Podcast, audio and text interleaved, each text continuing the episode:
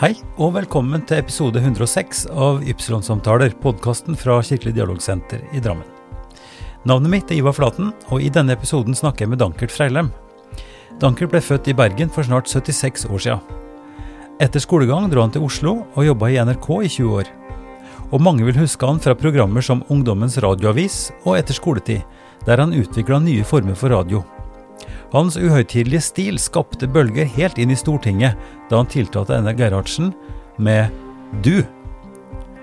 Senere har han arbeida som kommunikasjonsansvarlig i store virksomheter. Han har også jobba mange år med næringsutvikling, og er fortsatt rådgiver for Næringsforeningen i Drammensregionen. Dankert har vært svært aktiv i foreningslivet, og på CV-en hans teller et utvalg styreverv, over 60 stykker. Jeg er særlig stolt av at jeg bidro til at Den norske Helsingforskomité ble stiftet, sier Dankert. Dankert Freilheim, velkommen til podkaststudioet mitt. Tusen takk, tusen takk. Dette har jeg gleda meg til, skjønner du. Fordi eh, når jeg nå både sett deg i aksjon her i Drammen og vet hva du har bidratt med over lang tid, så, så er det både relevant og, og, veldig spennende å få gravd litt mer i, i erfaringa di. Eh, du står fram på en måte som en slags eh, Skal vi si en, en et slags ideal i forhold til både engasjement i, har, i alt det du har bidratt med, men også i institusjonsbygging. Altså at du faktisk har bidratt til å starte ting. Så hva, Du er nå ca. ti år eldre enn meg. Hva, hva, når du ser tilbake, hva er du mest stolt av? Jeg tror, eh, hvis jeg skal tenke gjennom ting som jeg har etablert eller tatt initiativ til, ja, det er jo veldig mye jeg kunne nevne, men jeg tror kanskje etableringen av den norske Helsingforskomiteen mm. i 1977, ja. den har jo vist seg å bli en uh, viktig faktor ja. gjennom årene. Mm. Og jeg skrev jo vedtekter og satt uh, sommeren uh, 77 og skrev vedtekter og skulle ha alt dette på plass da og sånn. Mm. Og så ble den etablert, og da gikk jeg jo, knegikk jeg jo Utenriksdepartementet og fikk uh, en kvart million kroner, mm. som var veldig mye penger den gangen, i mm. 77. Og da kom vi i gang, og um, jeg fikk leie gratis hos Thon et kontor i Skippergaten i Oslo. Og så kom vi i gang med det. Og det har jo vist seg å være en institusjon etter hvert. da. Ja, ja. Nå har den vel ca. 20, 20, ansatte, ja. og uh, har en omsetning på en, uh, 30, nærmere 30 millioner kroner. Og viser seg å være en institusjon innenfor menneskerettighetsarbeidet. Sånn at da er det sånn et, kanskje et godt eksempel på ting som jeg har startet med, og som jeg synes har gitt gode, langvarige resultater. Ja. Men det, men det er altså en, en, CV. Du har gitt meg bare et utvalg av det du har vært innom av styrer og, og råd og sånn. Den lista er på 60 linjer. Jeg fikk eh, nesten hankeslepp. Og du sier også at, eh, at, da er det mye tjafs du ikke har tatt med av, av annet. Så du har jo en stor energi. Hvor er det du tar den energien fra? Jeg tror det må være noe, jeg tror det må være noe genetisk. For um, jeg tror at hvis vi har hverdager som er gode og positive mm. og inspirerende, så igjen vil det skape lyst til å arbeide mer. Det skaper lyst til, det, eh, til aktiviteter. Så på mange måter så tror jeg nok det at eh, sånn som jeg har hatt det, så har jeg tenkt noen ganger Eh, nå jobber jeg jo i Næringsforeningen mm. i, i, i Drammensregionen. Og jeg føler jo 76 om noen par eh, mm. måneder, mm. som du sier. Mm. Og eh, jeg har jo lurt veldig mye på uh, hvorfor jeg føler engasjement, og hva som kan være bakgrunnen. Mm. Men jeg har merket det gjennom årene at hvis du går inn i litt uh, tunge perioder, mm. så tror jeg det, det, merkes litt. Jeg føler det selv på kroppen. At hvis du har motstand og motvind, og det er ulyst og mye sånn så det, så tror jeg det kunne vært uh, mye lettere å bare stoppe opp og, og bare gi seg, mm. og bli nær sagt en vanlig pensjonist pensjonist, mm. selv om de aldri finnes, for de er aldri uvanlige. Ja, ja, ja. Um, men jeg tror nok det at eh, det er viktig hele tiden å kjenne på at det er medvind, at det du driver med er lystpreget, mm. at omgivelsene, familie, venner stiller opp, og alle syns dette her er greit, mm. at du på en måte får litt sånne strokes mm. på ryggen. Mm. At du skal føle at det er en positivitet med det mm. du gjør, mm. og du må kjenne at det gir resultater. For hvis du føler at du jobber litt sånn i et tomt rom, og ingen bryr seg, så tror jeg det er mye tyngre, det også. Slik at når jeg nå er i Næringsforeningen og jobber veldig mye mye med det grønne skiftet, så har jeg liksom funnet en sektor der også Mm. som er veldig samfunnsrelatert. Og på samme måte så har jeg hatt det med menneskerettigheter og mye annet Mm. arbeid, ideelt arbeid, funksjonshemmede, som jeg har jobbet med eh, mye tidligere. Men, men Dankert, la oss, eh, la oss ta noen eh, lange skritt tilbake. For på den lista som du har eh, vært så snill å gi med, så står det jo også at du, du var jo russepresident i Ja. Bergen. Altså du er utvetydig og tydelig bergenser. Det er jo ingen som er i tvil om når de hører det. Så der, eh, men det var jo ikke starten. Før du ble russepresident, og du, du har liksom både den tydeligheten og, og det engasjementet og det som gjorde at du fikk en sånn, et sånt verv, så må du ha fått noe hjemmefra. Hvordan var oppveksten din i Bergen? Snakk om familien din. oppveksten den var uh, trygg og inspirerende. Jeg har, har jo hatt en mor som uh, var hjem, valgte å være hjemme, og ikke at jeg ble sendt på i barnehage. Og det syns jeg var en, en form for trygghet i, eh, i oppveksten som var veldig greit. Jeg har jo vært eh, født, oppvokst i et eh, ja, jeg kaller det et kristent hjem. Mhm. Og det er jo litt sånn vestlandsk kristen. Det har nå sine Ja, jeg sier det bare har, det har strengt, sine si- eller? begrensninger og sider. Ja. Eh, men um, jeg gikk jo på søndagsskole alltid. Mm. Og uh, jeg reiste på kristne skolelagsleirer Ja, hvert ja, år ja. i, i flere år, fra jeg ble tenåring og gjennom alle, alle tenårene. Jeg jobbet veldig mye i sommerferiene for å tjene litt ekstra penger og, Mm. og sånn som dette. Og Så hadde jeg en søster, hun er ti år eldre enn meg, Mhm. som jobbet i NRK, og som jo var veldig Ja, utadvendt. Ja, Helene, ja. ja.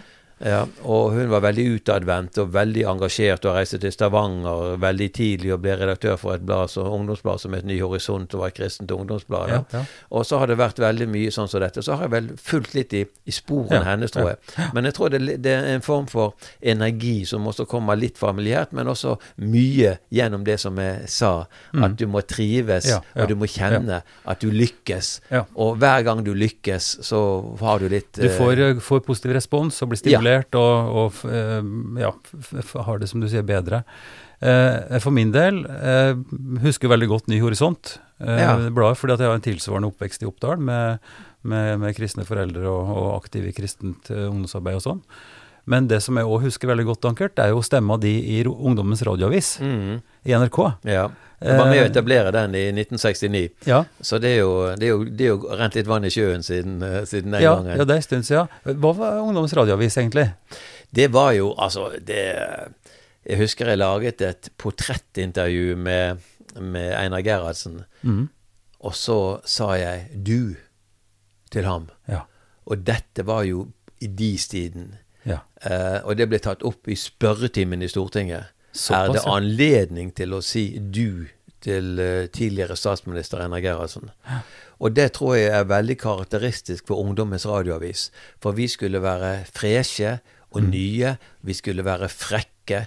Vi skulle lage ting på en annen måte, uformelt. Mm. og Vi skulle være mye mer direkte. Så vi hadde mange direktesendinger. Eh, men vi hadde også selvfølgelig opptak og reportasjer. Men vi skulle være annerledes på vegne av eh, de yngre generasjonene. Så vi skulle ha særlig formen. Innholdet ville nok være litt eh, mer sånn klassisk. Hva det som var samfunnet var opptatt av? Men dette var jo et, et program for, ja, for ungdom. Vi definerte det veldig til å være sånn eh, 12 til 25-30. Og, Ja, ja. og da måtte du være Dette var jo i forlengelsen av eh, av 68-erne. Mm. Så 68-erne de holdt jo på fra sin start da i, i 68, og dette var jo Jeg kom jo dit til Oslo i 69 og gikk inn i redaksjonen der og skulle ta ansvar for utviklingen av dette. Og jeg syntes det var veldig interessant. Mm. Men du. Dankert, stemmer det at dere òg jobba tett på, på ungdomsgrupper? Altså, for Jeg har et minne om at det faktisk var en sånn produksjon i Oppdal på ungdomsskolen da jeg gikk Ja. der. At det var en, en representant som eh, er riktig. en, eh, Gudbrandsdalsdame, jeg husker ikke navnet hennes nå. Astrid et eller annet. Ja. Eh, jeg vet ikke om du husker det? Jeg kan ikke det? plassere henne. Nei, nei, nei. Mm. Men i hvert fall så var det en ganske morsom sak, for da laga vi faktisk radio Ja, er basert i, på, på ungdomsskolen i. Oppdal. Sånn at jeg hadde da Jeg jobbet jo da, begynte jo da med Ungdommens radioavis, men veldig fort så fikk jeg da ansvaret for et annet programpost som het Etter skoletid. Ja, ja etter skoletid. Ja, ja visst. Og, og, etter skoletid hadde jeg da ansvar for, og den delegerte vi, sånn at den skulle vi ha lokale produksjoner rundt omkring. Og det skulle ja. jo gå hver virkedag gjennom, uh, gjennom hele uken. Og det ble jo et utall av sendinger, og jeg hadde jo kontaktnett høyt og lavt den gangen. Og da det, brukte vi lokale personer mm. uh, som gjorde det at uh, ja, jeg, jeg jeg ser jo og hører jo mange nå fortsatt som er i sving, som var veldig unge den gangen, og som var med som programleder, og som mm. var med alt mulig da. Mm. Så, så, etter skoletid, det er et program. Og det var jo også sånn sommerprogram hvor det het Skolefri, het det. Ja, ja. Og da reiste vi rundt omkring i Norge og møtte ungdommer. Så vi holdt jo på med opptak veldig mye i alle mulige anledninger. Ja. Byer, tettsteder, veikryss, hvor vi kunne treffe ungdommer, så kunne det være skolefri. Og da var det mye mye platespilling og musikk og litt mm. sånn så det passer for, for, en ungdom. Så vi var vel ment den gangen som ungdomsredaksjon å være noe nyskapende og komme litt bort fra de timeslange, kanskje tunge intervjuene, ja, ja. og så komme over på noe som var mer moderne den gangen. Mm, ja. Nei, men det har satt spor, det. og eh, for min del personlig så var det jo sånn at jeg ble veldig inspirert av det. og Da jeg startet på folkehøyskole på Sagovold, så gikk jeg på medielinja der. Og vi fikk jo enda mer eh, stimulans til det å både lage radio og, og litt eh, ja, fjernsyn for så vidt òg, da. Eh, så, så, det å formidle ting, det å, å bidra til å ta opp saker, eh, være litt frampå, kanskje, det å, å engasjere seg, eh, det er jo en del av det som tydeligvis har prega det også, både profesjonelt og, ja. og personlig. Og så er jeg veldig opptatt av alltid å skille mellom form og innhold. Mm. Fordi at uh, man kan lage det samme innholdet, men ha en helt ulik form på dette. Mm. Denne her podkasten din den er jo en sånn samtaleform, ja, ja. ikke et intervju. Mm. Så det er ikke jeg som sitter og skal svare kon konkret på, på, på, spørsmål, men det er jo en samtale hvor du kan legge inn mange mm. av dine erfaringer og ja, tanker. Mm. Og så skal det være sånn at den samtaleformen er jo veldig forskjellig også fra intervjuformen. Mm. For ikke å snakke om det som er sånn som noen har tangert hos deg også, det er jo såkalte grillintervjuer. Mm, ja, og jeg har jo holdt på med det i, i mange tiår. Mm. Da jeg var, altså tilbake til både 70- og 80-tallet. Mm. Jeg jobbet i nyhetsredaksjonen også, så var det jo mye sånn grill. Da hadde vi Jeg var jo med og etablerte Ukeslutt og var redaktør for Ukeslutt i, i lengre tider. Og da var det grillintervjuer der. Det var jo mm. noe som var ganske nytt. Mm. Uh, så jeg har jo holdt på med kurs også for næringslivsledere og offentlige ledere. Ja, ja. Statsråder i bøtter og spann om men, sånne ting. Eh, men en kan jo nesten få inntrykk nå av at, at, grill, eller da sette folk til veggs, eller polarisere, få, få fram motsetninger, og kanskje også verdimessig eh, Skal vi si å sette folk på plass. At det har blitt en form, og kanskje rett og slett en slags mentalitet også. Altså i vår tid at det er faktisk ganske plagsomt. Det er vanskelig å få rom, hvis vi snakker om media f.eks., snakke om, om hva som, blir, som kommer på. Eh, og at det altså har spissa seg til enda mer de siste fire-fem åra. Ja, det har vært en trist utvikling, syns jeg. Og fordi at dette er en del av det tabloide samfunnet, som vi ser det. Mm. Og det tabloide samfunnet eh, medialt bærer preg av fotos og titler mm. og ingresser. Mm. Og stort sett ikke mye mer enn det, ofte.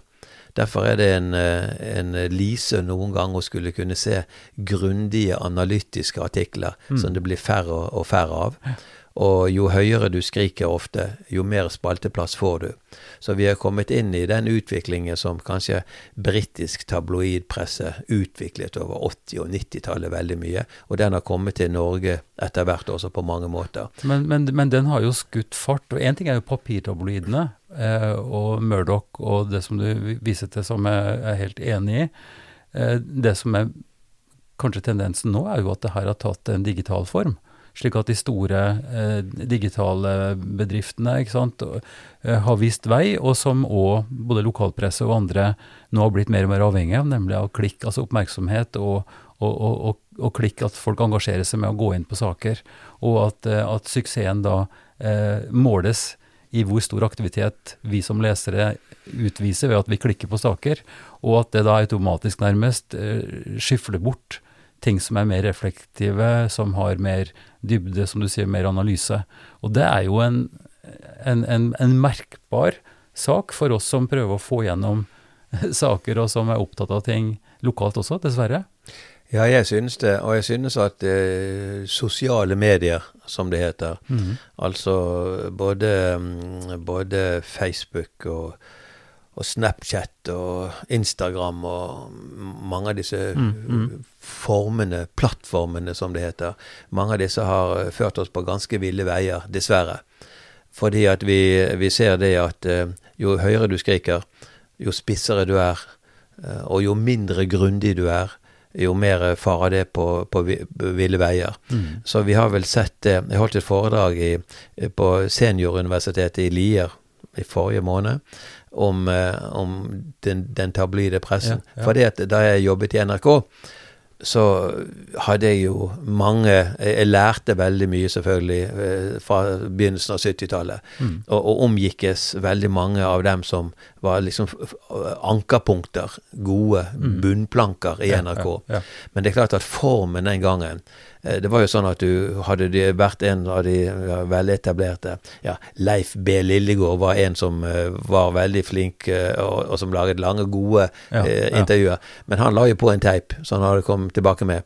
Og så var det, han satt opp med 40 minutter. Det er jo ikke mulig nå lenger. Nei. Og da la han det på, så lot han det gå i 40 minutter, og så stoppet han, og så kom han tilbake neste uke og fortsatte der han slapp. Ja. Og det var, jo, det var jo sånn det var. Ja. Sånn at formen da ble jo altfor langdryg. Ja, ja. Og jeg var jo veldig for den gangen. Jeg var for at NRK-monopolet skulle oppløses. Mm. For jeg synes det at det ble altfor mye mon monopolsk, og det ble altfor tungt og trist, veldig mye av det. Ja. Og så har jeg jo siden sett at uh, den eh, utviklingen med nærradioer og Ja. tabloide eh, mediale former, Mm. den har blitt veldig krevende og veldig vanskelig. Og jeg synes veldig trist. Mm. Fordi at jeg synes det er så mye ræl som kommer etter hvert i, i, i media, Mm. både på fjernsyn og i, i radio, Ja. at det synes jeg bare er en negativ tegn. Og, og digitale mediene, total ansvarsfraskrivelse, ansvarsløshet, og ingen redaktøransvar, og ingen som står opp for noen ting. Det har ført oss ut i et samfunn som eh, er eh, veldig destruktivt på mange måter, Mm. og hvor nesten de som kritiserer sterkest, er de som eh, når lengst. Mm. Og sånn skal det jo ikke være. Ja, nei, det, altså Jeg syns det er plagsomt og, og at det er tankevekkende, eh, og, og det er grunn til å stille spørsmål ved det, fordi at den trenden er så ekstremt tydelig, og at den òg er økonomisk drevet, antageligvis. Altså Ja. det har med Og det er klikkene dine, som du sier. Ja, altså fordi de som står som medieeiere, de store selskapene Ja, ja, bak avisene og sånt, de, de måler naturligvis eh, inntjening og annonsering og sånn. Ja. Og, og, og den, da går det jo i den retninga av at det er det som er mest attraktivt, og det som eh, gir mest gjenklang i, i publikum, er det som får plass. Og, eh, og, det, og det illustreres jo veldig godt med, ja, med de som da er veldig høyrøsta. Altså et Mm. eksempel kunne være Sian. ja. Eh, og, og den saken som fikk åpenbart mest klikk eh, Mm. i fjor, var jo Mm. det slaget som sto på, på Drammens torg, ikke sant? Som, Mm. som, da som er både tragisk sant? i seg sjøl og verdt å melde om, men at, at det blir den type skal vi si, eh, dramatiske hendelser også som preger folks oppfatning av hva som faktisk er, er, er som skjer. Nei, vi er et samfunn som er på, på ville veier på mange måter medialt. Altså, vår omgangsform eh, vil jo sånn som du og jeg vi, Vår omgangsform sånn uh, to og to og familiært, eller mm. innenfor organisasjoner og virksomheter, vil være trygg og god. Mm. Men det som er i det offentlige rom, og som har mange som måtte ønske å ta en posisjon, hvis de skal klare det, så går jo ikke det ofte på intellekt, det går på form. Og det går på en spissform, og så får du oppmerksomhet. Sånn som bruk som, som, som Sian. Da. Mm. Men det er jo mange andre på ja, skal vi si, litt mer beskjedne måter, Mm. som igjen altså blir veldig Jeg kaller det igjen da tabloide Mm. i, sin, i sin skriving, i sin omtale, i sine intervjuer, eller hva det måtte være. Og så får de oppmerksomhet av det, fordi at folk vil gjerne gå inn og se hva er det dette egentlig er. Ja. Og så klikker de seg inn på det, og så ser de. Og det betyr at den digitale utviklingen også har fremskyndet mye av det som vi ser her. Mm. Så jeg, jeg vet eksempel sånn eh, Jeg vet jo ikke hvis jeg hadde startet denne norske Helsingforskomiteen den gangen, som var liksom, litt sånn traust og godt og skulle etablere faglige støtte retter og funksjoner, så vet jeg ikke om hvor lett det hadde vært i dag. For den gangen så var det et stort sug etter dette. Mm. For det var såpass mye som var kritisk og negativt med, med diktaturer rundt omkring, sånn at menneskerettigheter da var, var viktig. Nå har jo, jeg, jeg startet jo noe annet som heter Norsk senter for flerkulturell verdiskaping. Ja. La, la, oss, la, oss, komme Ja. tilbake litt til det, fordi, Ja. for jeg har lyst nå til å, å, Ja, unnskyld. å Nei, ikke unnskyld, dette er helt strålende. Men, men, eh, men jeg er jo nysgjerrig på hvordan en bergenser eh, Altså, du havna i Oslo fordi, fordi du fikk jobb i NRK, og du fulgte storesøstera di Helene, ikke sant, Ferm Klingeberg. Eh, men når du nå havna her i området, eh, så hva er forankringa di her? For du har også eh, altså, Lier, du har vært aktiv i Lier, politisk osv. Hva er grunnen til at Drammensamfunnet har blitt et, et, et sted for deg? Vi kommer tilbake til det Ja. senteret som du skal ha. Tilfeldig. Jeg tror eh, da vi eh, Vi bodde jo mm, Min kone og jeg, da vi fikk vår eh, første datter i 1972, så bodde vi på på Briskeby i Oslo, og syntes det var veldig fint. Men vi hadde litt langt til å gå til, til Frognerparken. Ja. Det var det nærmeste hvor det kunne være litt sånn fritt og, Ja. og greit. Mm. Men det var litt langt å gå. Og så tenkte vi skal vi prøve å finne noe annet sted Ja. som er på landet Ja. Lite grann. Og så eh, gjorde vi nå det, da. Og uh, vi var rundt og så i, ja, i Bærum, i Rælingen, i, i, i, i Lier Altså, jeg vet ikke overalt hvor vi bare kjørte ved hytt og pine Ja, og ja. prøvde å finne noe som kunne se ut som noe attraktivt. Og så var det da under bygging et nytt, uh, nytt borettslag, altså nye boliger, 24 boliger på Lierstranda i Ja, Lier. ja. Og Lierstranda var jo den gangen omtalt som et høl, Ja. hvor det var litt farlig å gå, for du kunne bli banket opp hvis du ute gikk der på, i mørket. Uh, og det hadde jo et dårlig rykte, men vi syns nå dette så veldig fint ut. Det ligger tett inntil i, eh, Jensvoll eh, gartnerskolen ja, ja, og alt det, så det var veldig fine omgivelser. Og det var egentlig det vi så etter. Og så tok vi bare og stupte ut i det. Og vi hadde vel egentlig ingen kjente her overhodet. Vi hadde en, en eh, venn av meg som eh, var aktiv i Lier allerede den gangen, som har vært gruppefører for Høyre i Lier, eh, Søren Falkstaffe. Så Søren var vel den eneste vi kjente lite grann til. Ja. Og ellers så var det null. Ja. Så vi bare hoppet inn i det store og det hele.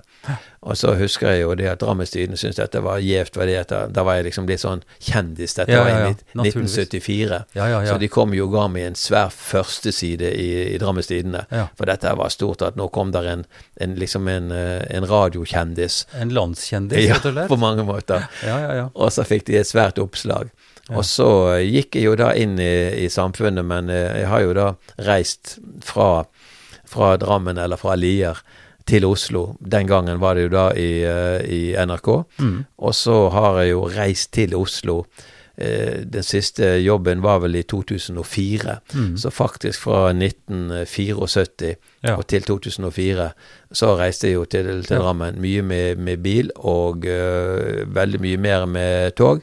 Men det, det var et, veldig mange tilfeldigheter som gjør at man havner der. Mm. Og da kom jeg til Lier. Og, og syns vi etter hvert at når vi hadde to barn to døtre, så syns vi det ble litt uh, stusslig og trangt der. At vi kanskje skulle se oss om å finne en enebolig. Og da var vi jo igjen ute. Var i Hurum og var overalt. Nå Ja. hadde vi som base i Drammen.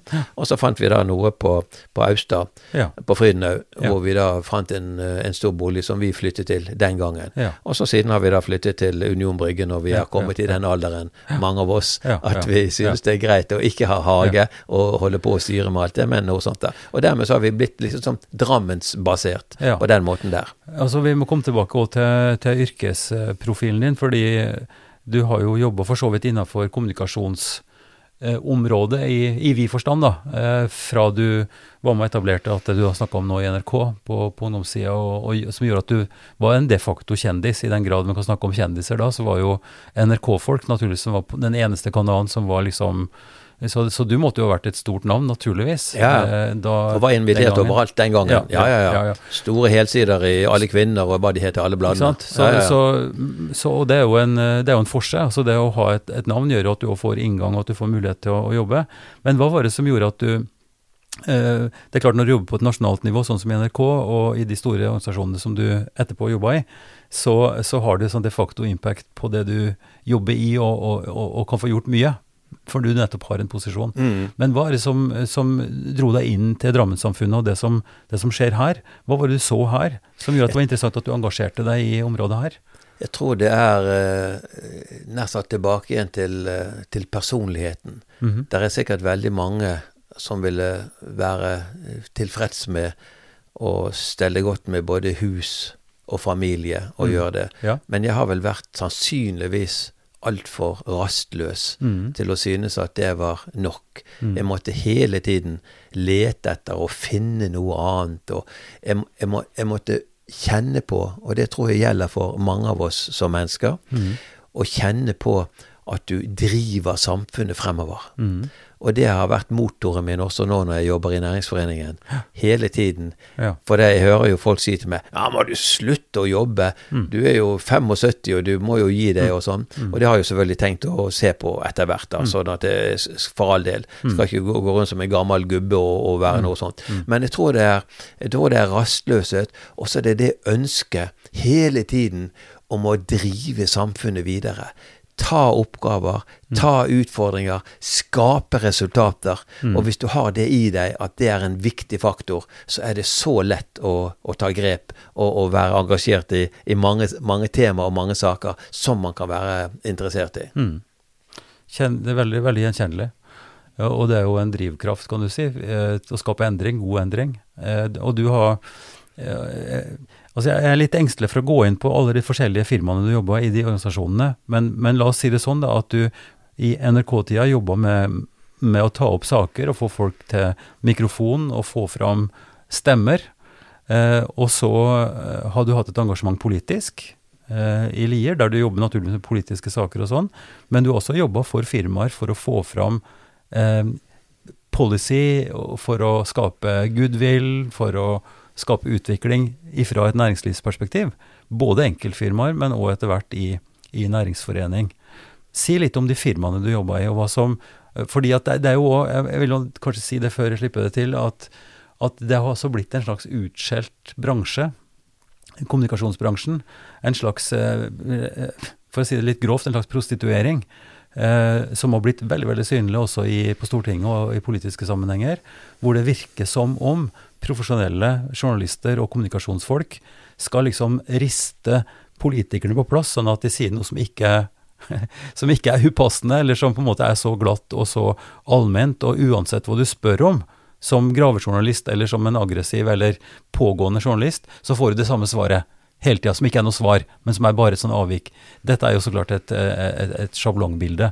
Men hva, for, hva tenker du altså om den bevegelsen fra å være i et, i et opplysningsprosjekt, som NRK måtte være, og komme over i et næringslivsperspektiv hvor du fronter en type næring eller, eller eh, bedrift? Jeg tror dette springer også ut av at vi har fått et mer komplisert samfunn, og hvor kravene til detaljkunnskap og kravene til hele tiden å være oppdatert er noe helt annet nå enn den var for 20 og 30 år siden.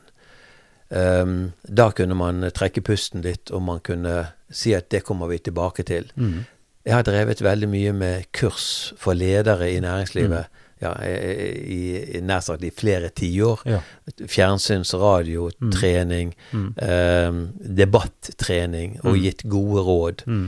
Og da er det vel slik at, eh, at de rådene eh, bygger i stor grad på at du skal f.eks.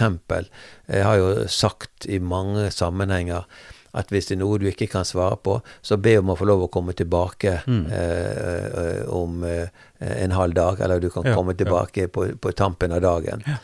Og slik var det jo eh, oftest Mm. gjennom tiden. Mm. Men nå er det jo nesten sånn at hvis ikke du kan svare når en eller annen ringer deg, så eh, blir du hengt ut. Ja. For du kan ikke- gjort, kanskje til og med? Ja, for du kan ikke dette egentlig, og du har ment noe som du trolig ikke har godt grunnlag for. Mm.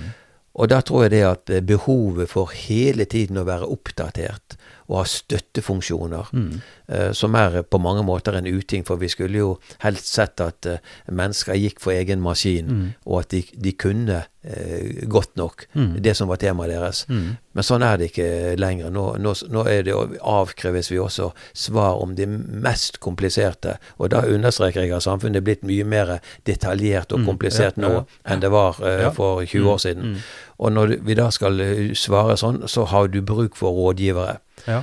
Og dermed så får du altså da denne strømmen av rådgivere som Mm. sannsynligvis også uh, er en uting, sånn som dette blir betraktet sånn. For du kjøper inn altså rådgivere høyt og lavt, og, og, og- de, de kan altså til og Mm. med få deg til å si ting som uh, ikke er kloke. Men, men for meg så er det et skille eh, Altså Jeg har jobba i byråkratiet i, Ja. i departementet, Kirke- og utdanningsdepartementet Ja. i noen år, og har en dyp respekt for nettopp faglighet. Altså at du har, du har eksperter på forskjellige temaer innafor ethvert fagdepartement, som er en støttefunksjon for den til enhver tid sittende statsråd og statssekretær. ikke sant? Politikken den setter retning og, og har en impuls på hvor du skal hen, og så har du, et, har du altså et eh, et stort korps av spesialister på de ulike ting som kan gi saklig og god informasjon, og som til og med kan skrive taler. Og Det syns jeg må være sånn, det, og, og det vil være også i firmaer. ikke sant? Du må ha folk som er eksperter på det du driver med, og gi relevante svar.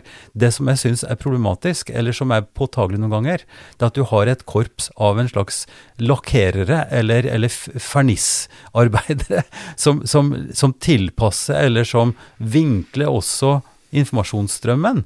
Altså at du, du får ikke tilgang på, på prosessene, for du skal bare hele tida ha en slags, en slags polert versjon da, som noen ganger blir veldig intetsigende. Men er det en del av det samme? Altså at det er for risikabelt Ja. å gå ut med foreløpige ting? Og det er kanskje noe av det som jeg har erfart også, at en eksponerer seg veldig negativt hvis en går ut til en journalist og kommer med noen sånn prøvende tanker, eller, eller, eller reflekterer. Da blir du hengt ut på et eller annet eh, merkverdig fordi at du da ikke Ja. presis, eller Det er riktig, riktig beskrivelse sånn som du har. Og det er jo en, en god beskrivelse av det som er, er hverdagen. For tidligere, hvis jeg kan bruke sånn generelt uttrykk, så kunne man tenke litt høyt. Mhm. Og man kunne, uten å bli arrestert på det, eh, komme med noen tanker og, og vurderinger. Så har det vel blitt mer og mer slik at eh, du kan ikke gjøre det. fordi at hvis du fremmer en skisse som er altså, anførsel til behandling, Ja, ja. og du fremmer den, for det, dette er ting vi vurderer, og dette er noe vi ser nøyere på, Mm. så blir det tatt for, eh, for god fisk at du har allerede bestemt deg. Mm. Tidligere kunne man skisse Mm. muligheter og tanker. Ja. Nå kan man ikke det, nå blir det tatt for god fisk, og nå har du vedtatt dette.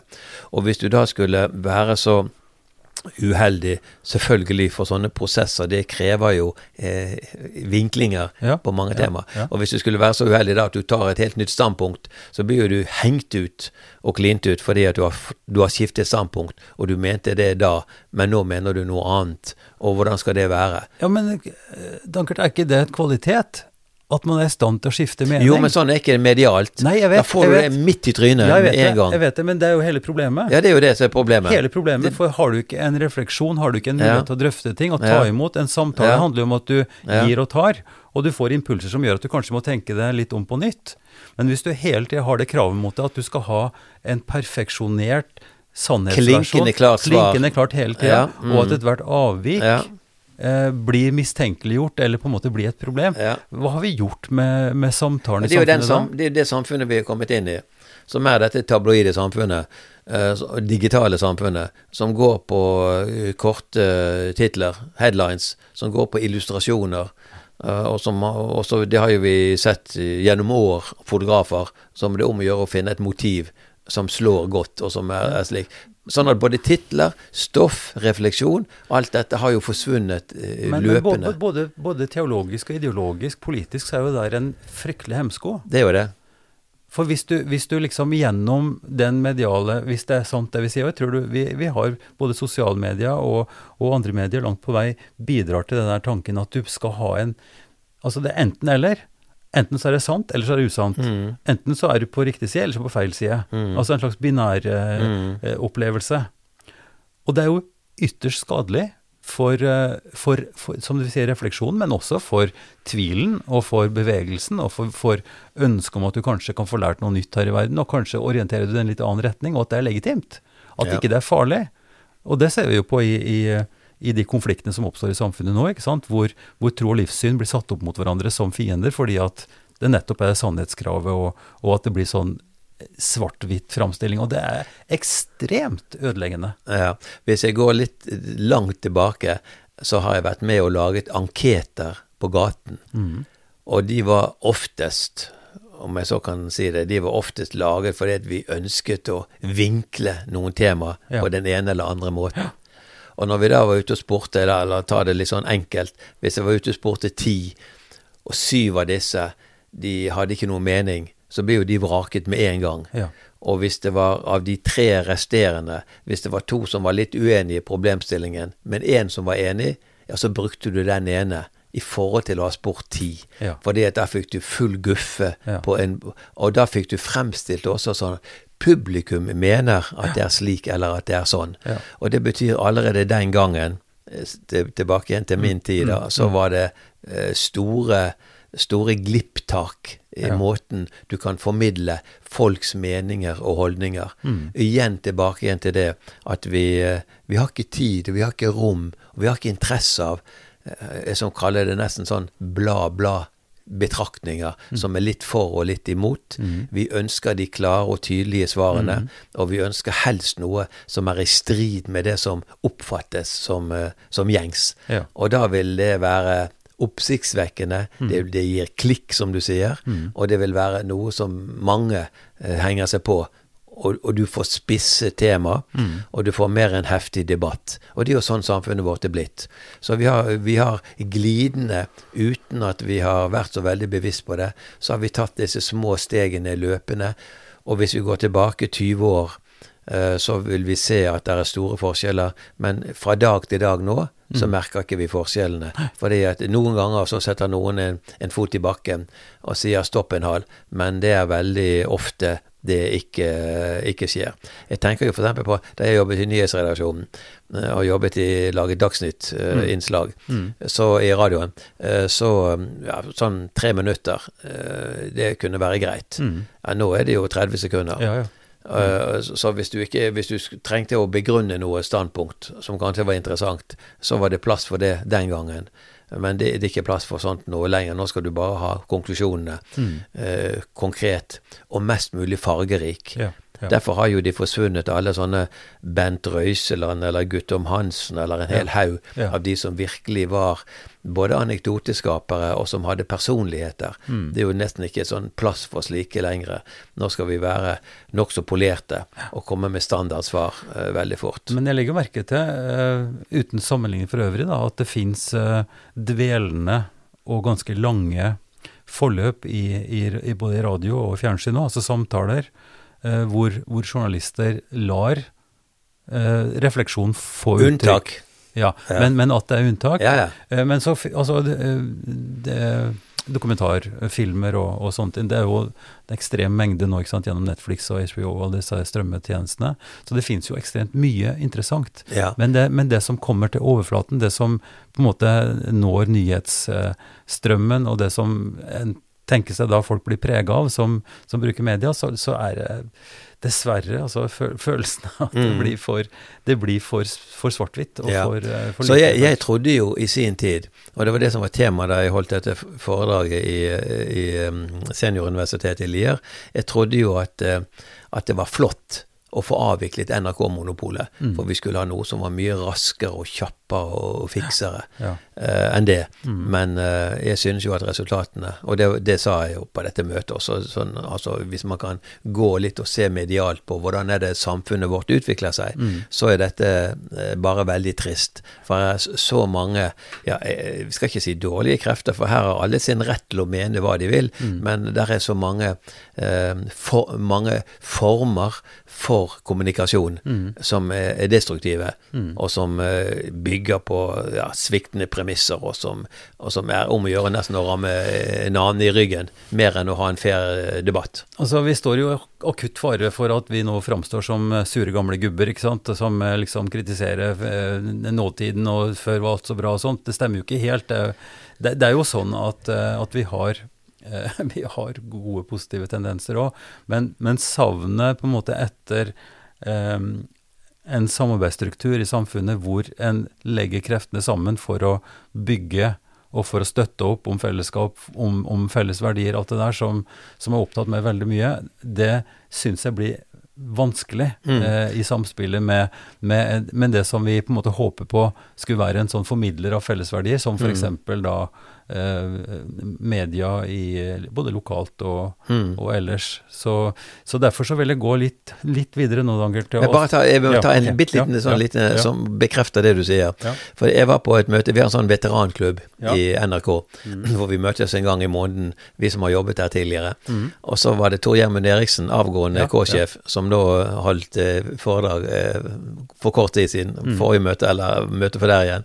Og eh, han var veldig positiv til utviklingen av NRK. Selvfølgelig, du kan ikke gjøre noe annet når du har satt med ansvar for dette her. Mm. Og så tok jeg ordet etter det og sa at jeg synes det er ganske mye dårlig nå er jo, Det er jo så mange kanaler blitt i NRK at at ingen kan, kan jo følge med på alt dette. Men jeg syns det er blitt mange dårlige programmer, og mye blæ-blæ, og mye ræl som kommer, fordi at det er bare sånn tørrprat som uten mening og uten innhold. Og jeg brukte noen eksempler på dette. Og så svarte jo han da, som er litt sånn tangent til det du sier, ja, nå får du, vi huske på, vi som er kommet litt opp i årene, sa han, eh, at eh, nå har vi unge mennesker vi skal appellere til. Vi skal ha unge seere og lyttere. Og da må vi altså finne en form som gjør at de synes at NRK fortsatt er attraktiv og interessant å følge med på. Og da svarte jeg jo det også at eh, det er eh, en god, et godt prinsipp, og sånn må det alltid være, at NRK må finne en naturlig plass. Men så spørs det da bare Kan du bare spille plater og bare tørrprate med et meningsløst innhold som bare er sånn bla, bla? Er det det NRK skal stå for, eller skal vi være en, eh, et fyrtårn litt i Samfunnsbygger. Ja. Fellesskapsbygger. Ja. Og det så da, da flirte vi litt, og så var vi enige om at uh, det kommer litt an på øynene som ser, og ørene som hører, men at vi her er åpenbart ved et viktig uh, prinsipp og en, en, en korsvei som Mm. Er ganske viktig. Men, eh, men da vil jeg eh, Ja, takk for Men det. du skulle gå over til noe annet. Jo, nei, men altså, for meg så er det viktig det her eh, hva vi bidrar med, som du nå har gitt uttrykk for. ikke sant? Eh, drivkraften til å, å drive på fordi at du kanskje er utålmodig, at du vil bidra til en utvikling og noe positivt. Eh, og det har jo også tatt seg uttrykk i at du har jobba veldig aktivt innenfor næringslivsstrukturen. eh, Og jobba med fellesverdier der, og med, med fronting av behov og ønsker i samspill med det offentlige. Eh, Det syns jeg er interessant. Kan du si litt om det først, ganske kort? Og så har jeg lyst til å gå over på det Senter for flerkulturell verdiskapning. Fordi eh, hvordan benytter vi oss av, hvordan bygger vi felles kultur og, og sterk, et sterkere samfunn nå i møte med, med mangfoldskulturen som, som i større og større grad eh, preger oss på godt. Hovedsakelig, syns jeg, men også så klart er krevende. Jeg skal si litt om mangfoldskultur. Hva var det første du spurte om? Eh, det det arbeidet som du har gjort innenfor, innenfor de store bedriftsnettverkene. Ja, ja, ja. eh, ja? For du, du har jobba innenfor eh, både eh, Rådet for Drammensregionen ja, og innenfor Visit Drammen-regionen. ja. Men tidligere så har jeg jobbet her for andre virksomheter som absolutt. jeg synes er veldig Ja, ja, Fordi at jeg ble spurt om jeg ville jobbe som kommunikasjonsdirektør i Statkraft i sin tid, for å bygge tillit til Statkraft. For Statkraft var opplevd som en, en brumlebass Mm. som valset over landet, valset ned gjerder og ikke brydde seg for de skulle bygge ut alt som var. Det var under kraftutviklingen Mm. på 60-, 70- og 80-tallet, for så vidt. da. Og så ble jeg da spurt av daværende sjef om jeg ville være der for å bygge eh, Statkrafts relasjoner på en positiv måte Mm. til samfunnet. Og det syns jeg var en veldig interessant og viktig oppgave. Fordi at én ting er å bygge ut kraftnettet i Norge, og bygge store dammer og alt som vi har fått mye informasjon om nå i det siste, hvor, hvor, hvordan eh, bassengene blir tømt etter hvert for vann, og det ikke er det. Men det syns jeg var en veldig interessant greie, og det hadde litt med med, med å være, la Statkraft være på lag med folket. Ja. Og ikke la Statkraft være en mastodont som skulle leve sitt eget liv på kryss og tvers. Um, og det syns jeg var veldig spennende og interessant. Og jeg synes det var Og det var også å bygge internasjonale relasjoner. Og ha gjester fra mange land oversjøisk. Og, og, og bygge tillit. Og få Statkraft til å fremstå som i samarbeid med, mer enn i strid med.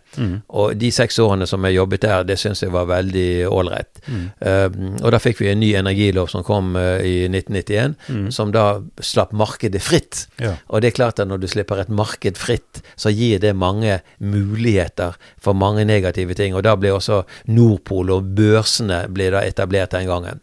Jeg syns det var interessant, og det var åpenbare behov fra, start, fra starten av, da dette ble utviklet og etablert, at man skulle holde på på en uh, form for kvalitet. Og så gikk jeg da deretter til NHO NHO og hadde ansvar for kollektivtransporten i landet. Og da, um, da var jo det noe som jeg synes var veldig viktig, for da kom det også frislepp av kollektivtransporten i mai 1995. Så kunne man da begynne å konkurrere også der, og det ga igjen mange ulemper. Og så kom jeg da videre derfra til et stort Goldman Sachs-selskap, eh, amerikansk storbank, Ja, ja. verdens største bank.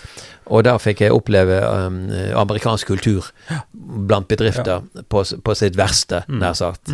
Um, og det var, det var veldig rå kapitalmakt som, som talte på mange måter. Og det var ikke å jobbe på lang sikt, det var å jobbe på kort sikt. Så jeg synes altså tiden i Statkraft, tiden i NHO og tiden i, hos Goldman Sachs, det ga mange perspektiver på at samfunnet trenger frispillere. Trenger noen som skal løfte nye problemstillinger, ta nye initiativ. Så jeg synes alt dette, jeg kaller det utviklingsarbeidet, var veldig interessant. Selv om det hadde sine nær sagt fordeler og ulemper.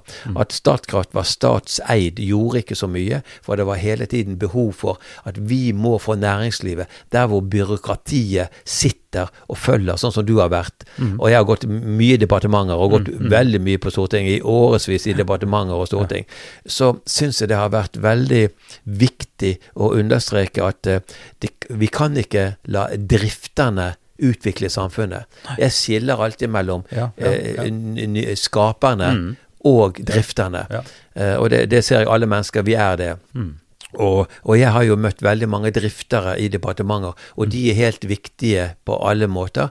Men det som er mest viktig, synes jeg, for at jeg står da på den siden, det er utviklerne. Vi må sørge for at utviklerne, dvs. Si næringslivet og, og dets organisasjoner, må sikre at vi får en utvikling, og ikke at vi kan få eh, en sånn kontrollregime som på mange måter offentlig sektor og kommuner og fylkeskommuner kan ha. De er mer opptatt av å følge bokstaven enn å prøve noe nytt og gå videre og skape noe nytt. da. Sånn at jeg ser det at, eh, at næringslivet har en samfunnsrolle ved hele tiden og burde ligge minst en meter foran på riktige vilkår, uten å ta noen shortcuts eller noe sånt som det. Og da har, mens, mens, mens samfunnet ellers, byråkratiet, som i og for seg er veldig viktig, de kan passe på at driften er korrekt og ordentlig og, og fungerer, men så må næringslivet i stor grad bidra til å skape morgendagens samfunn i, i sterkere grad enn det kanskje eh, byråkratiet gjør. En kunne tillate seg kanskje å, å ta enda et, eh, et uttrykk for fellesskapsverdien og rammevilkår og sånt noe, som departementsstrukturen og byråkratiet da ut ifra en politisk styring har ansvar for, eh, for å holde fast i nettopp eh, fellesskapet i, i, i det som er allment, og at næringslivet og vi som må eh, agere da i, som utviklere, som, som eh, gründere osv., osv., at vi òg har eh, den ramma rundt oss som en trygghet og som en styring.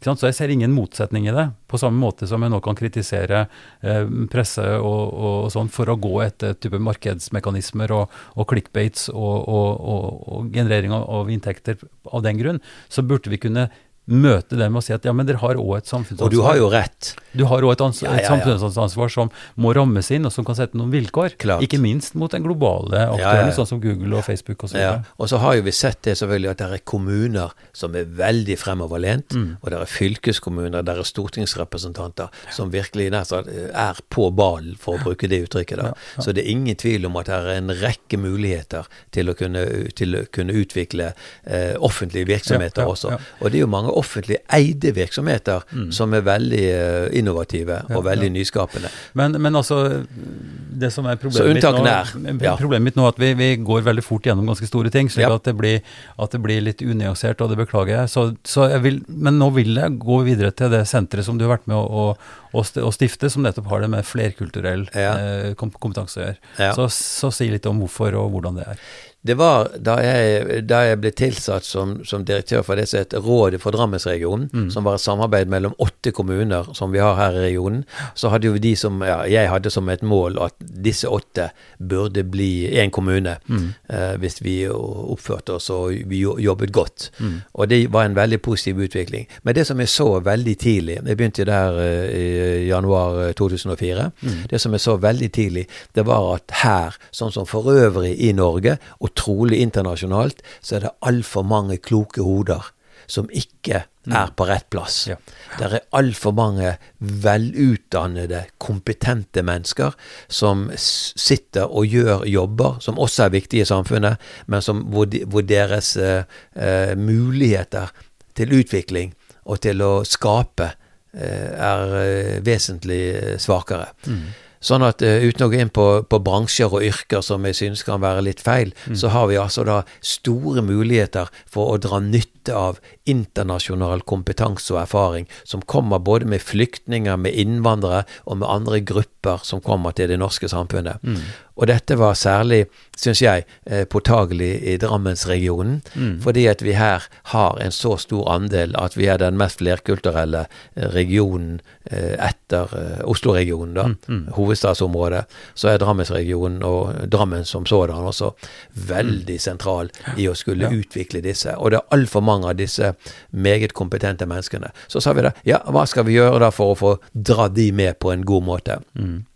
Så da ville jeg starte da dette senteret, flerkulturelle senteret, som eh, er ganske vesentlig og viktig for at vi skal få dratt med. Det var gründere vi skulle samle. Vi skulle samle sammen eh, kompetente gründere til å kunne gå inn i mer strukturerte former og skape noe nytt. Og vi kunne dra nytte av all den kompetansen som er her i, eh, i byen og i regionen. Så det, det, og vi har jo hatt eh, nær eh, 1500 eh, innvandrere, eh, flyktninger, som har registrert seg, og som vi har hatt på kurs, og som har gjort en, en god jobb. Så, så dette har vært et sånn overordnet mål hele tiden om å dra nytte av all den kompetansen og stimulere hverandre til å kunne gjøre meningsfylte arbeider og jobber. Og så har jo det, det, det har, Dette har vært veldig bra, syns vi, men nå har jo vi Vi er jo i ferd med å nedlegge, siden vi da ikke har fått penger nok til å kunne gjøre dette. For dette har vært et gratis tilbud. Veldig viktig Ja. at vi ikke skulle ta penger uh, for dette, fordi da var det mye lettere. Terskel ble mye lavere for ja. at man kunne være med på det. Sånn at det har vært veldig fint, og vi har jo fått uh, mange titalls millioner kroner eh, fra staten og kommuner og fylke eh, gjennom årene, men nå har vi skrudd kranen igjen eh, for det hele, dessverre. Og, sånn at uh, vi avvikler jo denne sommeren mm, hele dette senteret. Nettopp. Men målet er jo fortsatt gjeldende, og behovet er jo minst like stort. Hvordan dra nytte av flinke flyktninger, kompetente innvandrere? Men en kunne jo kanskje utvide og si at eh, det er jo et generelt behov vi har for å få utnytta ressursene i samfunnet Ja. på bred basis. Ja. Og at altså verdiskapning, da, altså som, som, er, som det er gjort i dette senteret, at den verdiskapninga blir kanskje flere og flere bevisst, og at den ikke nødvendigvis har det der skillet mellom de og oss, mellom de som er ferskere i landet, og de som, de som har vært her lenge. Og, og det tenker jo Næringsforeningen òg, som du nå er konsulent for og rådgiver for, har bidratt til gjennom både prosjektarbeid og ellers. Altså at en, at en legger vekt på det her med, med skal vi si, en stor variasjon en stor bredde i kompetanse og bakgrunn og, og kultur kanskje også, at det er en slags motor og et potensial som muligens ikke er fullt utnytta. Ja, Fordi ikke, den- ikke godt nok. Nei, fordi at, den, fordi at den har en, for at den har en slags skepsis Ja. og uro. En, en liker best det som er likt, og det som er kjenner godt. Og det som gnisser litt, og som blir utfordring, og som må tenke nytt rundt, det er ofte eh, ja, mer krevende, og krever litt mer vilje, kanskje, også. Ja, og du, du var jo selv med på dette internasjonale Drammen, Ja, som ja. hadde som mål, men det var to ulike mål på mange måter, som er i denne, skal vi si, denne gryten, da. Ja. Eh, det som var målet for internasjonale Drammen, det var jo å, å få folk i jobb. Mm, ja. Men det som var målet med det flerkulturelle senteret, det var å løfte frem gründerne Ja, ja. som skulle skape Ja, noe. Og begge deler er, er viktig, og begge deler supplerer hverandre. Mm. Men det blir, det blir ulike eh, tema. Men uh, grunnleggende er jo det hele tiden å spørre oss har vi alle havnet på rett hylle? Mm. Får vi brukt våre evner og våre forutsetninger på beste måte? Og da vil jo svaret selvfølgelig ofte være nei, selv om vi har en god utvikling i samfunnet, og vi verdsetter de som kan ting, og som står for noe. Og det tenker jeg òg har lyst til å kanskje runde av med, eller, eller sette et lite en understrek under. Altså at vi i, i, i verdiutvikling og i, en, i et samfunn for å ta vare på, på, på, på verdiskaping, at det også har med ikke-materielle verdier å gjøre. Altså at den tar vare på drivkreftene som ligger i kultur, i, i religiøse forestillinger, i, i den har med seg av språk og tenkning, som kan være ganske forskjellig fra det som vi i vår eh, norske sammenheng har vært opplært i og, og, og forstår som malen og normen. Og der tenker jeg òg altså, at jeg har lyst til å en måte holde sammen det bildet av svart-hvitt-tenkning og, og riktig feil, eh, falsk eh, korrekt, at det er, en, en, det er et bilde som i de aller fleste tilfeller blir galt. Fordi verden er veldig mye mer nyansert, og at vi dermed har stor nytte av, og, og er faktisk nødvendig, at vi tar inn nyansene som ligger i alt det som ligger mellom. Og at vi, vi, vi skyter oss sjøl i foten, vi begrenser oss, vi, vi, vi svekkes hvis ikke vi åpner opp for dette store fargespekteret, som nekter at ting er svart-hvitt. Det er fargerikt, det er forskjellighet, det er dynamikk. Uh, og jeg vet ikke mm, om det er korrekt å da dra inn det med Rotary i det bildet, for Rotary er vel også en, en forening som er historisk på en måte, og som har, eh, men, men som også anerkjenner, og jeg tar det fram fordi at du uh, har vært president der, og kona di også, eh, som anerkjenner nettopp dynamikken i, i, i mange slags fagbakgrunner og i forskjellighet. Så det er en slags Det er riktig. parallellitet der. Ja, det er riktig. Og i Næringsforeningen så har vi arbeidet veldig mye med å sikre at ungdom som faller utfor, skal komme seg inn i yr yrkeslivet, Mm. inn på yrkeslinjer, yrkesskoler. Mm. Og det er det du sier også, det gjelder for Rotary. Det er jo å sikre at vi skal ha flest mulig fag og bransjer representert der, Mm. fordi at vi skal bygge broer Ja. og ikke, ikke sette opp vegger mellom de ulike fagene eller bransjene. Og sånn har tenkningen vært. Sånn, sånn går det jo, som du sier, mellom mennesker, eh, etnisitet. Det er å, igjen å bygge broer, Mm. og det er mellom fag på yrkesskoler i, på åssiden og hva det måtte være, Mm. og si- sikre at vi alle skal være positive bidragsytere i samfunnet. Og da må vi ha stor raushet, og vi må ha stor toleranse, for vi er jo på mange måter et pluralistisk samfunn, og vi blir jo mer og mer det, og vi er, skal være også et flerkulturelt samfunn, og det viser seg vel også det i næringslivet, at der hvor kvinner har fått en riktig og god plassering, og der hvor innvandrerne er med og preger virksomhetene, så gir det oftest store goder. Mm. Ikke bare å ha nær sagt ufaglært arbeidskraft, men også ha de i de mer skapende, utviklende rollene, Mm. slik at de, de kan bidra, som du sier, med sin kulturbakgrunn, med sin utdannelse, og dette kan være veldig forskjellig, selvfølgelig, fra en nasjon til en annen, men det er å sikre at alle disse får sin rettmessige plass i samfunnet, og at vi skaper det samfunnet vi ønsker for i morgen, alle sammen. Med det så takker jeg deg for en veldig interessant samtale. Timen vår har gått. Så lykke til videre med ditt arbeid både i Næringsforeningen og i ditt engasjement i det store og hele. Takk skal du ha. Tusen takk selv for jeg fikk være med her.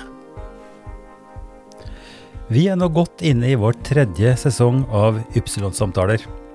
Siden starten i januar 2020. Samtalene de går videre. Nå, også etter at uh, undertegnede Ivar Flaten har blitt pensjonist, så fortsetter jeg å produsere disse samtalene for Kirkelig dialogsenter i Drammen. Podkasten støttes av Barne- og familiedepartementet, av Einar Juels legat, og ikke minst fra Drammen kommune gjennom uh, IMDi-midler. Du kan uh, lytte til andre episoder og se oversiktene hvis du går til www.ypsilonsamtaler.no. Skriv også gjerne en e-post, og da kan du bruke eh, adressen ivar krøllalfa ifd.no. Vi høres.